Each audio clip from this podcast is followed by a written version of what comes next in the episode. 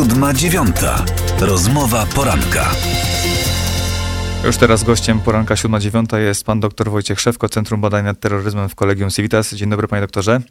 Dzień dobry panu, dzień dobry państwu. W poranku 7.9 staramy się trzymać rękę na pulsie nie tylko w tym naszym najbliższym regionie, mówiąc szczególnie o wojnie na Ukrainie, ale także o bardziej odległych rejonach świata i dzisiaj właśnie na nich postaramy się skupić. Chciałem zapytać o Izrael, natomiast jeszcze wcześniej poproszę pana o komentarz dotyczący tego, co wydarzyło się ostatnio w Afganistanie, ponieważ mamy informację o tym, że doszło do zamachu na ambasadę Rosji w e, Kabulu. Do tego zamachu przyznało się państwo islamskie i jak możemy to wszystko odczytywać i też w jaki sposób do tego wszystkiego podejdzie Rosja, jak ona będzie próbowała wytłumaczyć ten zamach? Znaczy, z punktu widzenia państwa islamskiego to jest kolejna z serii zamachów. To pokazuje, ponieważ w ubiegłym tygodniu mieliśmy trzy zamachy na liderów e, Talibanu.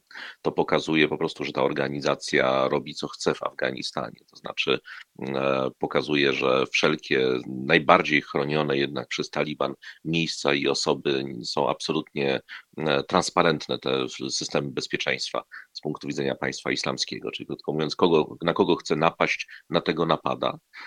A jeszcze dodatkowo ataki na ambasady, no to jest oczywiście podważenie międzynarodowej pozycji Talibanu, o co, co jest no, jedną z kluczowych celów Talibanu jest zabieganie o to, żeby państwa mu życzliwe, to jest Pakistan, to jest Rosja, to są Chiny, żeby inwestowały, żeby otwierały granice, żeby, żeby dostarczały żywność, lekarstwa i wszystko to, co jest Afganistanowi potrzebne. Już nie mówimy o państwach zachodnich, prawda, które jednak są cały czas wrogiem. I tego typu zamach ma podważyć e, te relacje.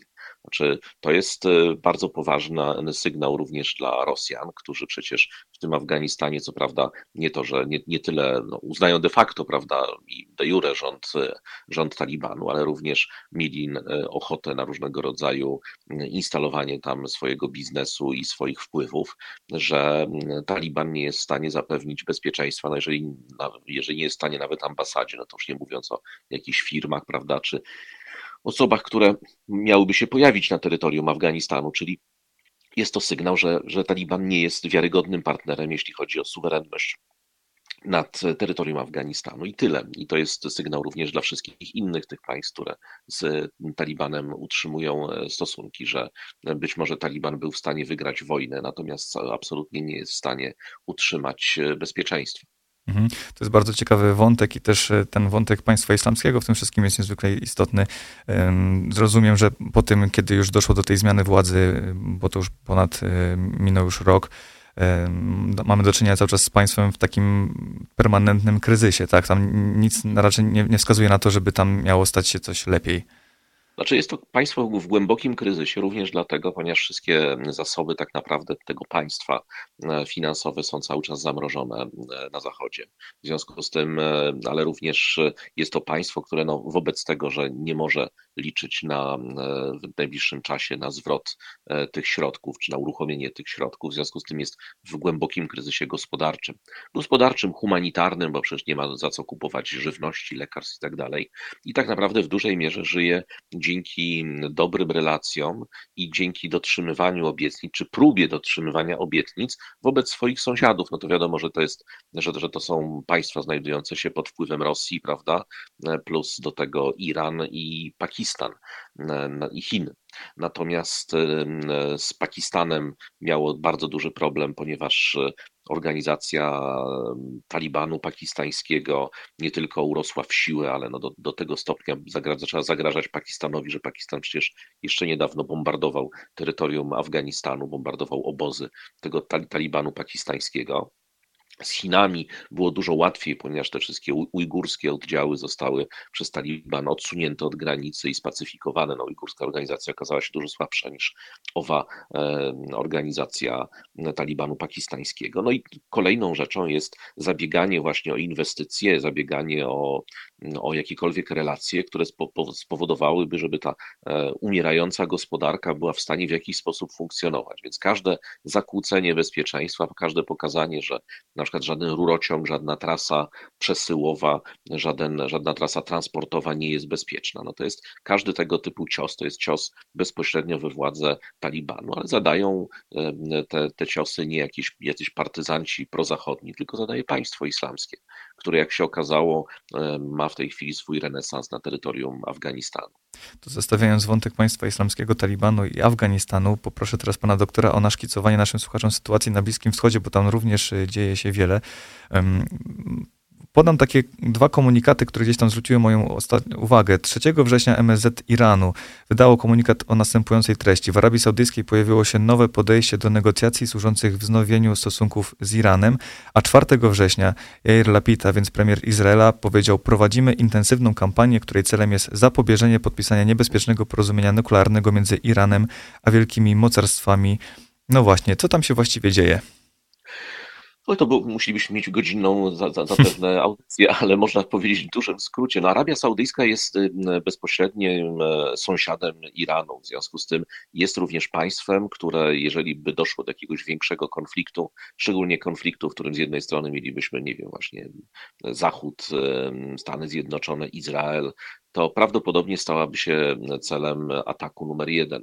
Co więcej, jest zagrożona bezpośrednio zarówno z terytorium Jemenu, jak i z terytorium częściowo Iraku, no i oczywiście od, od strony morza, prawda, czy zatoki i od strony samego Iranu. W związku z tym Arabia Saudyjska, szczególnie wobec perspektywy tego tak zwanego dealu nuklearnego, do którego prze mm, administracja Bidena, ma w perspektywie Iran, który za chwilę może mieć odblokowaną możliwość sprzedaży ropy naftowej, może zacząć znowu zarabiać pieniądze, znowu zacząć się zbroić, no i na przykład zbroić również chociażby swoich partyzantów w Jemenie, którzy już udowodnili wielokrotnie, że są w stanie swoimi rakietami i dronami razić cele nie tylko przy granicy, ale również bardzo głęboko, w te, w, znaczy bardzo daleko w głąb terytorium e, saudyjskiego, w tym atakować rurociągi, e, instalacje Saudi Aramco, czy nawet stolice, e, prawda, czyli i bazy e, wojskowe i lotniska przy samej stolicy. W związku z tym no, dla Arabii Saudyjskiej jest to realne zagrożenie. W związku z tym w takiej sytuacji, kiedy nie, nie za bardzo może liczyć na Amerykanów, a ze Stanami Zjednoczonymi chyba jeszcze po wczorajszej decyzji OPEC-u ta, te, te relacje pogorszą się już zasadniczo. Czyli krótko mówiąc, nie dostaną pocisków do swoich patriotów, nie dostaną elektroniki i będą zdani sami na siebie. W związku z tym muszą próbować jakoś z Iranem się dogadać pomimo tysiąca różnic i wielkiej rywalizacji na różnych płaszczyznach, to za długo byśmy o tym opowiadali, no to albo się dogadają, albo za chwilę zostaną sami i prawdę powiedziawszy z Iranem szans żadnych praktycznie nie mają w jakimkolwiek konflikcie, nawet bardzo ograniczonym. Więc, to, więc stąd jest ta normalizacja. Natomiast Izrael w drugą stronę, znaczy ja, sobie czytam te, ponieważ jest to jeden z najbardziej istotnych wątków w prasie izraelskiej, w relacjach amerykańsko szczególnie izraelskich, to komunikaty, które wysyłają Stany Zjednoczone przestają być już zrozumiałe dla kogokolwiek. No bo z jednej strony dla Izraela racją stanu jest niedopuszczenie do tego dealu nuklearnego. I z drugiej strony oczywiście jest niedopuszczenie też do tego, żeby Iran zdobył broń nuklearną. E, tyle tylko, że Amerykanie no, z jednej strony namawiają Izrael do tego, czy próbują przekonać, że tylko deal ten nuklearny, czyli kontrola jak gdyby nad programem nuklearnym irańskim, daje gwarancję na, na to, żeby Iran nie zdobył broni nuklearnej. No, z drugiej strony, z drugiej strony administracja Bidena teraz mówi, ale my wcale nie, nie, nie wiążemy rąk, jeśli chodzi o relacje, czyli o ewentualne działania Izraela przeciwko Iranowi. Czyli tak jakby poklepywanie po plecach, idźcie walczyć, jeżeli chcecie. Tyle tylko, że będziecie walczyć sami.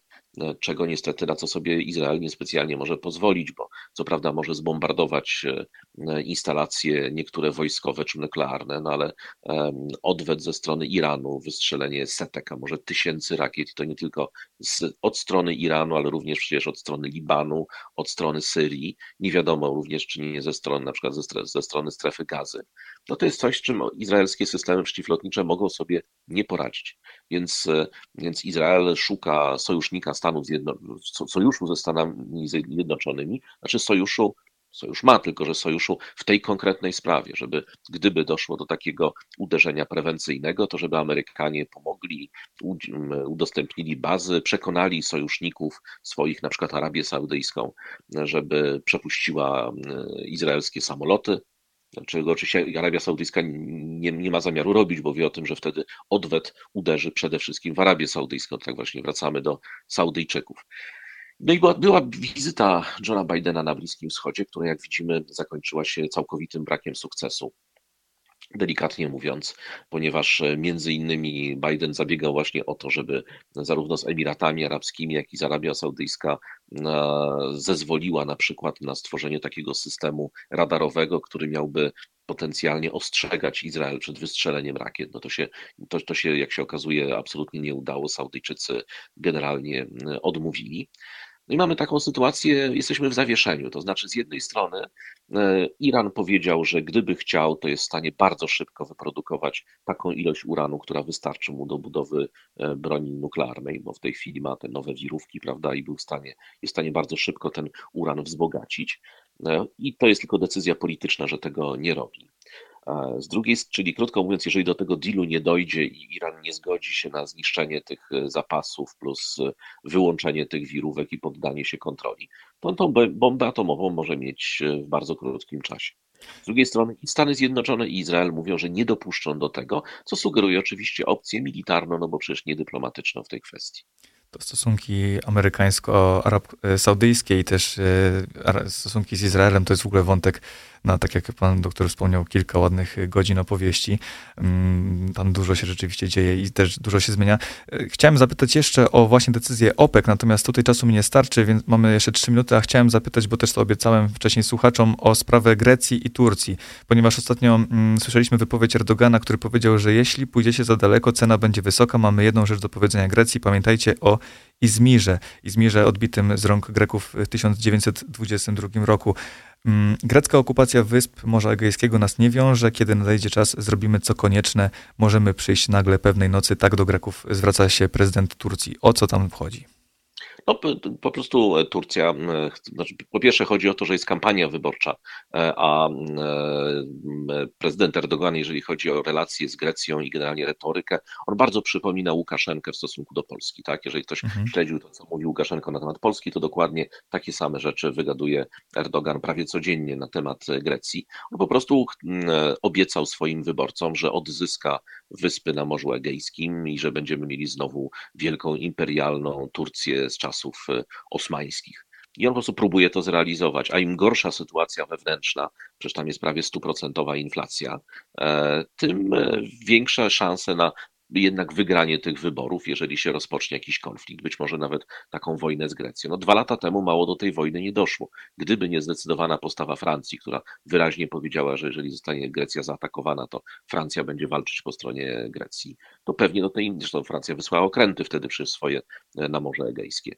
to wtedy mielibyśmy taki konflikt. To był ten sam moment, kiedy, kiedy Erdogan wypuścił tych tak zwanych uchodźców na, na granicę, pamiętamy takie sceny, a potem Łukaszenko powiedział, że zrobi z Polską to samo, co Erdogan z, z Grekami. No tak, tylko różnica pomiędzy jednym a drugim jednak jest kolosalna, jednak Erdogan to dużo większa siła niż y, Łukaszenka, trzeba przyznać. Ale też przyjaciel Putina, jak się tak. Y, tak. Bardzo dziękuję za ten komentarz, za te eksperckie informacje, bo rzeczywiście jest to niezwykle wszystko ciekawe.